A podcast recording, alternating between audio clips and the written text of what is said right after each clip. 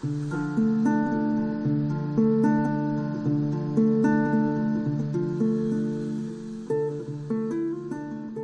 denk dat ik toen ik zeven jaar was, wilde priester worden. Ja, Jezuïeten zijn uh, religieuzen, waarvan de meeste priesters zijn, maar niet allemaal. Ik heb 55 jaar in Congo gewerkt. Heel mijn leven is eigenlijk ja, een genade geweest. En ondanks alles, al mijn zwakheden, heb ik daar toch iets gerealiseerd dat de moeite waard is. Dus mijn leven is de moeite waard geweest. Tot meerdere eer van God. Jezuïten in de lage landen. Dat is de enige tijd van mijn leven. Ik heb geen ander leven gehad. Ik heb, ben 55 jaar in Congo geweest. Ik heb dat altijd heel rijk gevonden. Maar toen stonden ze ook met geweer voor mij.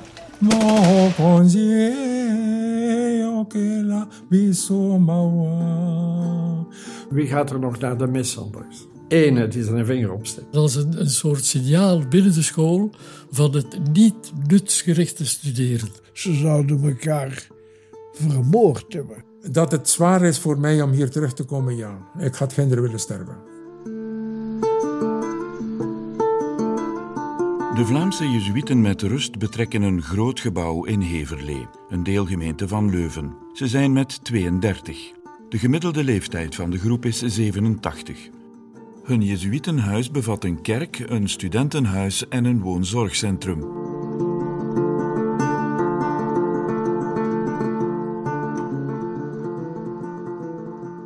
De Sociëteit van Jezus is met ongeveer 17.000 leden wereldwijd de grootste religieuze orde in de Rooms-Katholieke Kerk.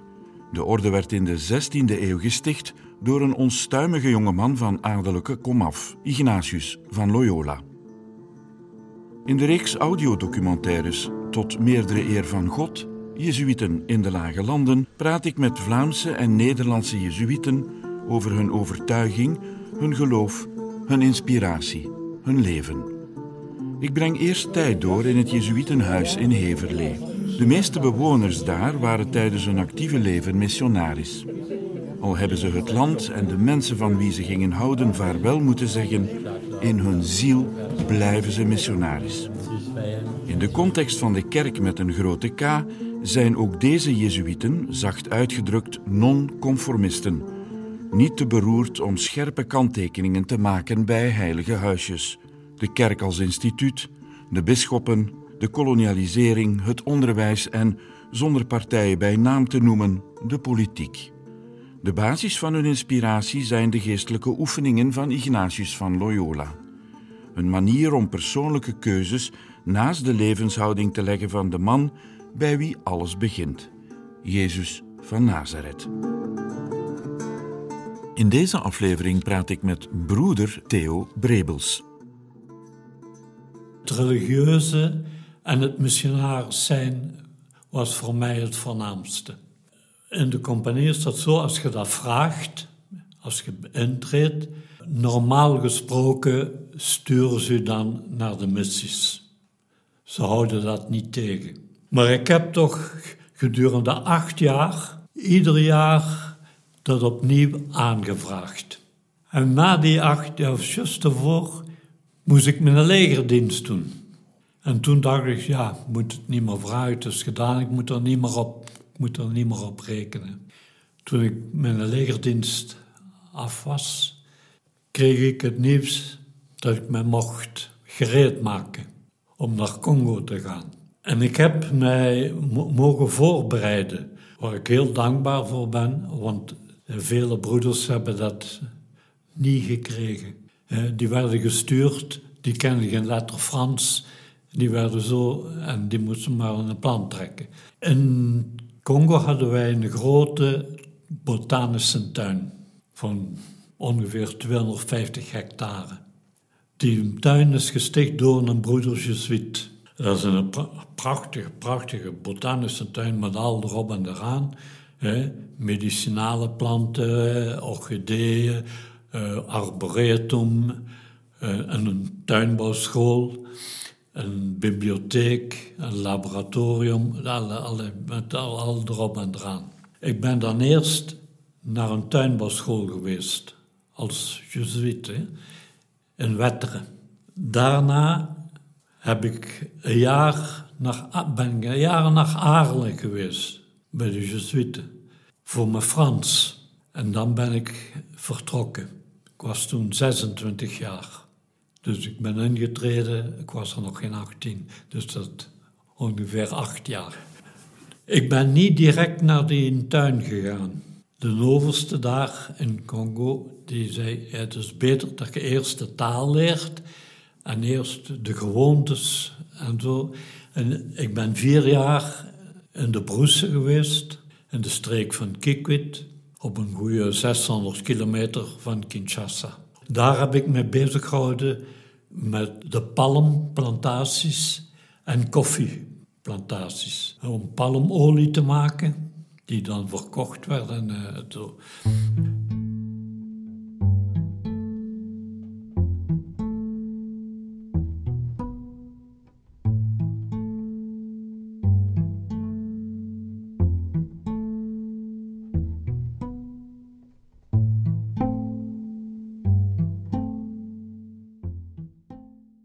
Het intreden voor mij was eigenlijk precies zo een normale gang van zaken door de opvoeding.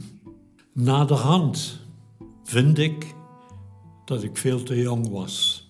op die leeftijd, ik ben ingetreden en na een, een tijdje schreef ik een brief naar huis dat ik het niet meer zag zitten, dat ik ging terugkomen. Maar die novicemeester, die kende mij. En die zal gedacht hebben, jong, dat jong ventje, dat zal wel overgaan. En die riep mij, want in die tijd lazen ze de brieven, die riep mij. Die zei, kijk, zegt hem, ik heb u een brief gelezen. Weet je wat, zegt hem, we gaan die brief nog een beetje laten liggen. We gaan die nog niet doorsturen. En die brief is nooit vertrokken. En ik ben er nog altijd.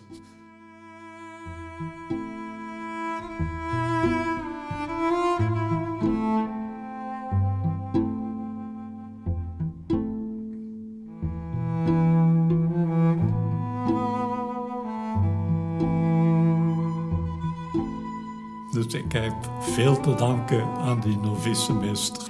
Ik kan alleen maar dankbaar zijn voor al hetgeen wat ik gekregen heb thuis door de opvoeding. Eh, naderhand kunnen ze zeggen, ja, dat was, dat was in die tijd was dat zo. Eh, dat zou nu niet meer pakken. En dat was nog iedere avond rozenhoedje. Hè. Mijn vader bad dat voor.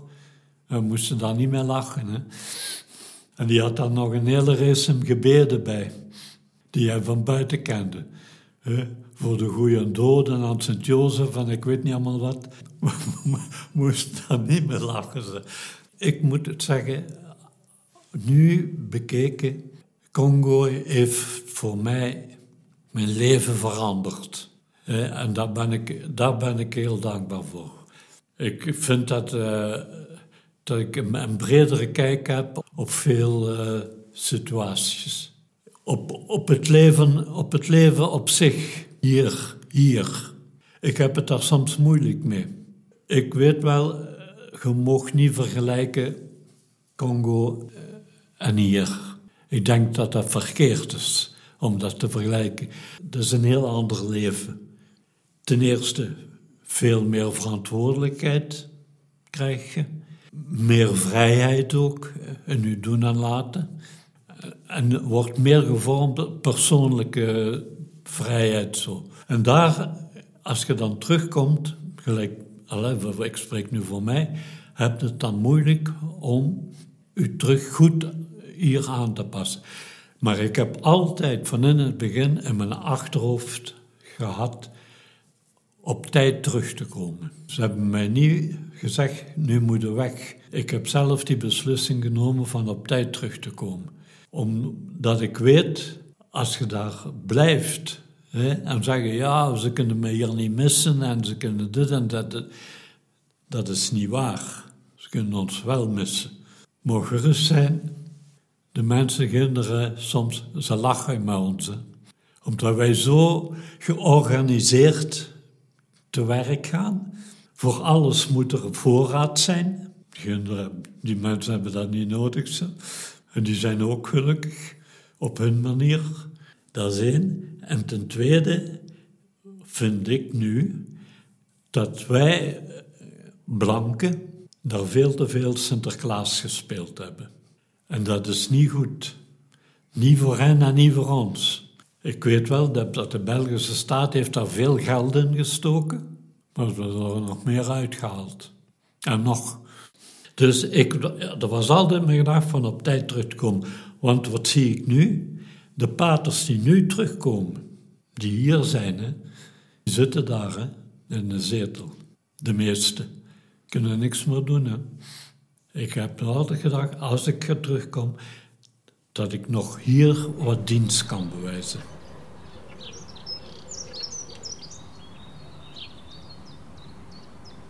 Wat is een dienst die ik nu doe hier? Dat is een tuin. Ik zorg voor, voor een tuin hier. Hè. Dat is ook 10 hectare. Hè. Dat is, uh, en ik zorg voor alle planten hier aan huis. Maar op mijn manier. Mijn manier van werken. Ze moeten mij niet, niet, niet commanderen. Dat zal niet pakken. Ik ben nu 20 jaar hier in dit huis. Hè. En ik zeg dikwijls aan de overzicht, zeg, kijk naar 20, ik zal wel weten wat de klepel hangt. Hè.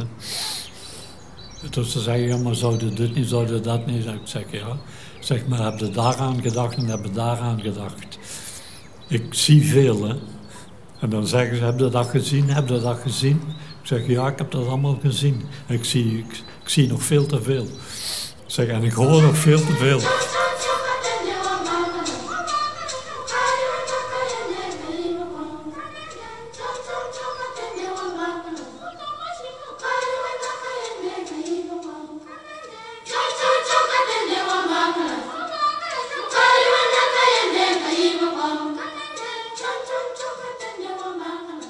De eerste week dat ik in Congo was, hè, ben een week in Kinshasa gebleven.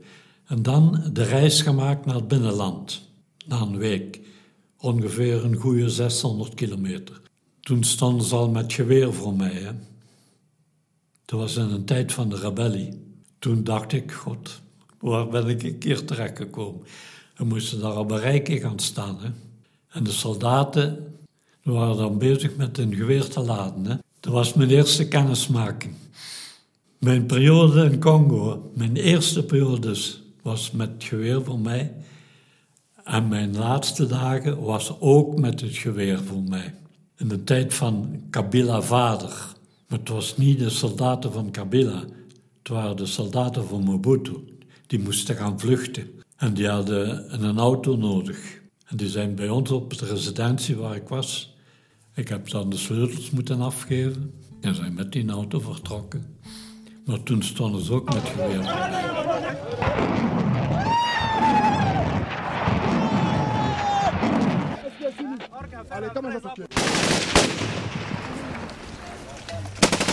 Progressez, progressez, progressez!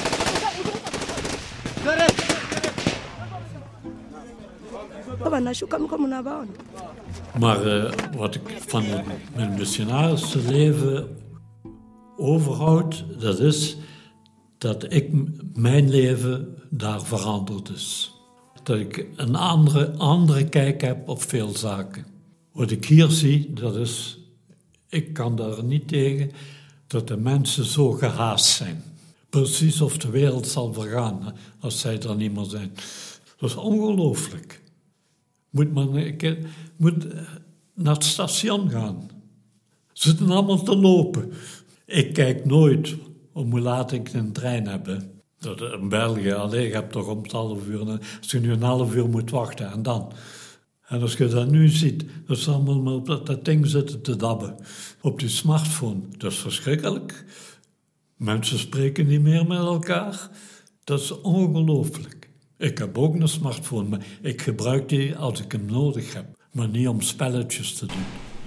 Wij danken u, God, voor al uw weldaden. Gij die leeft en lief hebt in de eeuwen der eeuwen. Amen.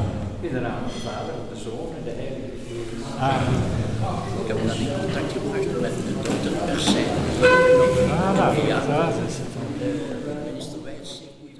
Dit is eigenlijk mijn eerste huis sinds ik terug ben. Hè hier in België. Ik ben één jaar in Brugge geweest, als ik teruggekomen ben, hè, in 98. Ik kon dat dan niet volhouden. Ja, dan zeggen ze, alleen zo'n schone stad. En, en, Ik zeg, ja. Ik zeg, maar als ik op mijn kamer zit hè, in Brugge... Ik zag alleen maar de hemel en de, en de, dak, en de, en de pannen aan de overkant. Hè.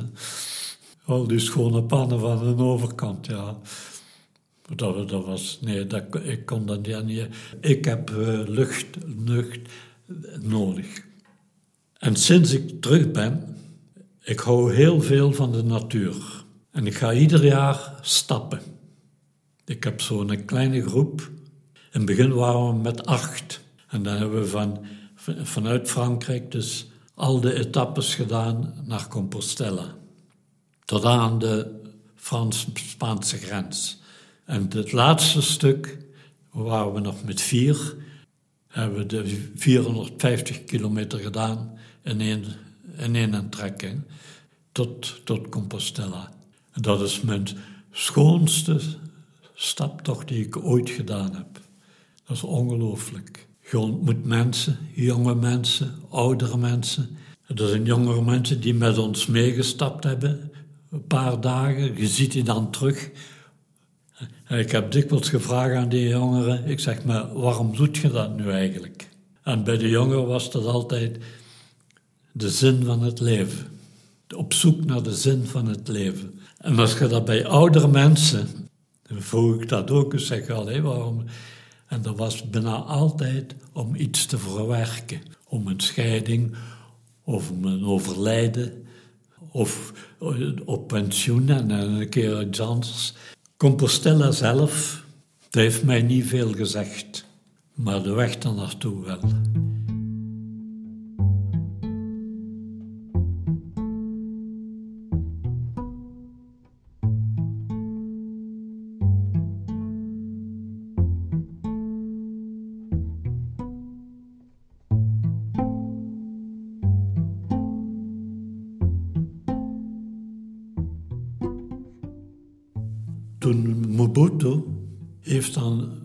Ons die, tuin, die botanische tuin, afgenomen, genationaliseerd. Dat ging naar de presidents. En wij vlogen daar buiten. We hebben daar geen cent voor gekregen. Dan heb ik een hele omweg, heel omgedraaid. En dan ben ik begonnen met jeugdpastoraal in de dorpen. En dan ben ik terug eh, naar de Broesen ingegaan. En zo 14 dagen van dorp tot dorp. Alleen maar met jongeren bezig geweest. En die waren zo content. Die zeiden tegen mij: Eindelijk hebben we nu een keer iemand voor ons alleen. Want als de paters komen, dat is om te biechten en om te dopen en om dit en om dat. En ik ben dan begonnen. Ik zeg ja, er waren jongens die dus in de dorpen waren die niet naar school gingen, die gewerkt hadden.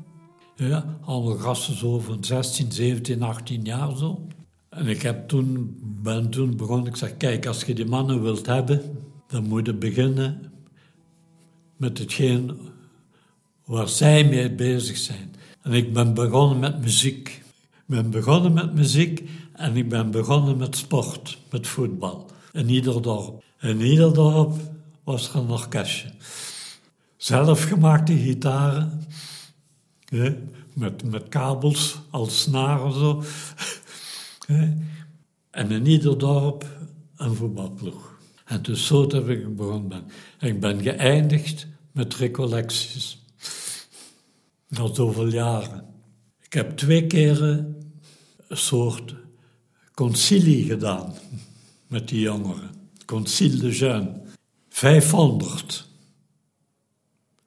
op, de, op de centrale missiepost tijdens de grote vakantie. Want tijdens de grote vakantie had ik seminaristen die me konden helpen. Ik kon dan niet alleen. Hè. Dus van ieder dorp een delegatie van jongeren. Maar ze moesten zelf voor theater zorgen. Ze brachten ze dan maniok mee en uh, wat, nodig was. En de scholen, het was vakantie, dus die slaapzalen waren leeg. Ik kon die gebruiken. En ik had een paar seminaristen. En dat was dus goed georganiseerd. En op het einde hebben die jongens hebben, we hebben een Eucharistieviering gehouden, die ze zelf hebben ineengestoken. Dat was buitengewoon. Hè? Dat was gedurende drie, vier dagen zo. Ik, ik zorgde wel voor dat er een keer een film was, dat er een keer iemand kwam spreken. We spreken daar nu nog over. Dat waren mijn schoonste, eigenlijk mijn schoonste jaren.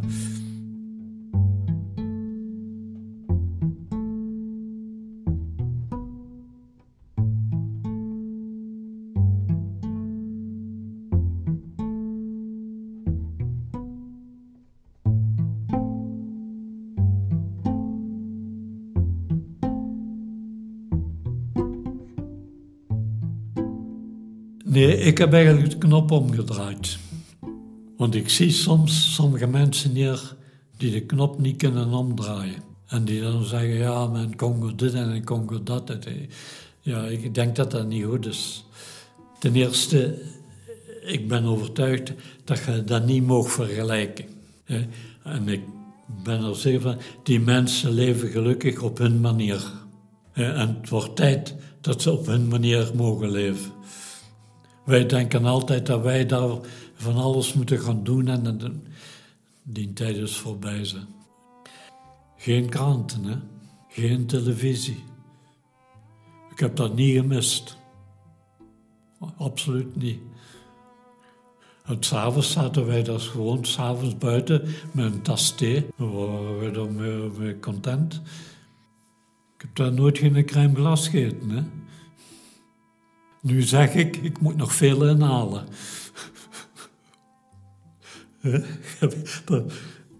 Daar heb nooit geen patatten gegeten, geen frieten. Hè? Ik heb dat niet gemist. Als ik in het dorp ging, ik had een boy de roet. Hè, die en ik had het, wat de mensen in het dorp eten, loco. Hè?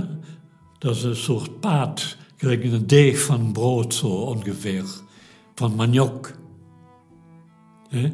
Met wat groente. En als je in de dorp gaat, de mensen zijn geweldig. Het weinige wat ze hebben, zullen ze nog delen. Hè. Die eten daar niet, misschien een paar keer in het jaar vlees. Maar bij ons is het zo dat bijvoorbeeld iedere missiepost heeft een veestapel. En daarvan moet die, die missiepost leven. Dat is ongeveer een 200 koeien. Ik heb ook voor die koeien gezorgd. Maar je hebt ook grotere, met 2000 koeien. En dat is dan voor de, de scholastiek, voor degenen die, die studeren. En voor de onderwijzers te kunnen betalen. Want van de staat. We hebben zo'n eh, een ding, een, een, een, een 2000 koeienbeesten. En dat dient alleen maar om, om eh, de leraren te betalen. We hebben 2000 koeien ergens om onze onkosten te betalen. En vroeger, heel vroeger, voordat ik daar was, in Kisanto, hadden ze een veestapel, 15.000 koeien. En het waren de broeders die dat beheerden. Nu doen ze dat nog, maar het het is veel verminderd.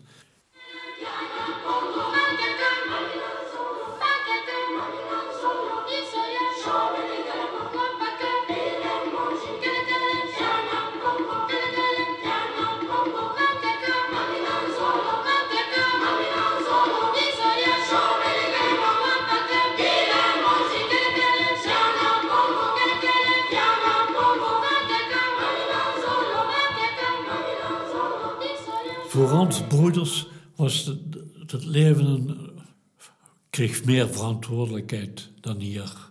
Hier is het altijd, je kan daar iets van krijgen. Je kunt, dat is waar, ze. je kunt geen stoel verzetten of er moet over vergaderd worden. Dat is toch... Hè? Dat is toch... Op den duur, je bent niet meer baas in uw eigen huis. Voor alles, voor alles moet er vergaderd worden. ja, ja, ja, toch. In de compagnie, Er zijn veel broeders die eronder geleden hebben. De superioriteit van de paters tegenover de broeders, die het priesterschap boven het religieuze zetten.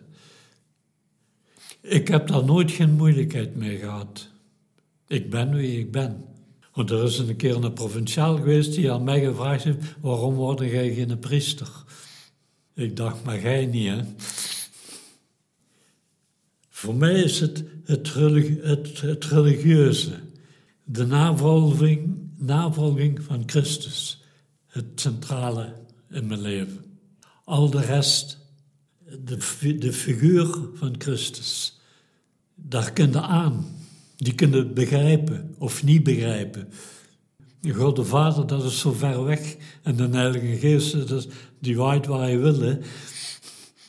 En dat proberen op mijn manier en in deze tijd zoveel mogelijk trachten te beleven.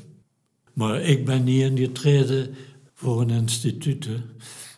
Maar de kerk als instituut, ja, daar, daar kunt u toch vraagtekens bij zetten. Hè? Kijk een keer wat er allemaal gebeurt. En als je dan zo klanken hoort vanuit het Vaticaan, al, al dat politiek gedoe. Maar dan denk ik, ja, kijk, ik ben, ik ben niet ingetreden voor de pauze. Ik vind dat die mensen zijn best doet. Die zit zo geprankt, dus die kan, die kan ook niet doen wat hij wil doen. Dus veel veranderd en heel vlug op korte tijd. Als ik, ik hoor van onze nog oudere paters dan ik, hoe hun noviciaat was. En metgeen wat ik in mijn tijd was, er was niet veel verschil. Dus nu heel, moeten nu niet meer afkomen met, met een vorming die wij gekregen hebben. Niet dat onze vorming niet goed was, maar dat was, in die tijd was dat zo. Dat zou nu niet meer pakken. Hè? Nu ten eerste, degenen die nog binnenkomen, als ze nog binnenkomen, die zijn veel ouder. En die hebben al in het leven gestaan. Dat zijn al, al een man die uh, advocaat zijn, of die dit zijn, of die dat zijn. En die dan de beslissing genomen hebben om in te treden. In mijn tijd was dat, het waren allemaal uh, jongens van 18, 19 jaar, hè, na de humaniora. Hoeveel paters dat er bij ons thuis zijn komen vissen. Langs de pastoram waarschijnlijk. He, niet alleen de Jezuïeten, maar de Franciscanen en de almozeniers van de arbeid. En die zijn allemaal een keer komen vissen om, om, om, bij ons thuis.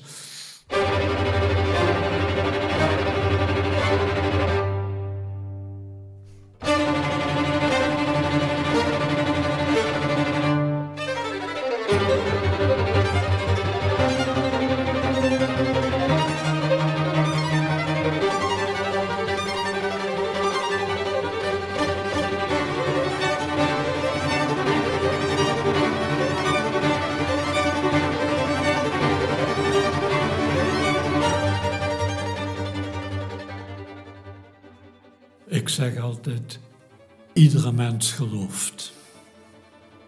Ook de ongelovigen geloven. Ze zeggen altijd, de ongelovigen en de gelovigen. Iedere mens gelooft in iets of in niets. Ongeloof op snij bestaat, voor mij bestaat dat niet. Als ik nu de, onze studenten hier zie, Sommige paters zullen al een keer reclameren. Je ziet die nooit niet in de mis, je ziet die nooit niet in de...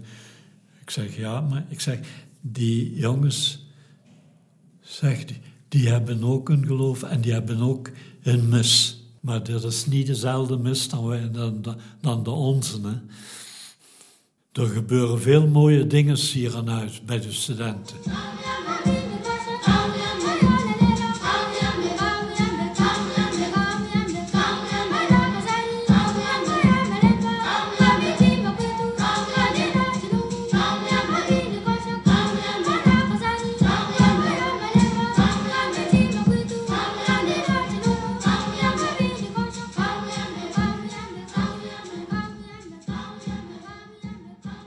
Kerk als structuur.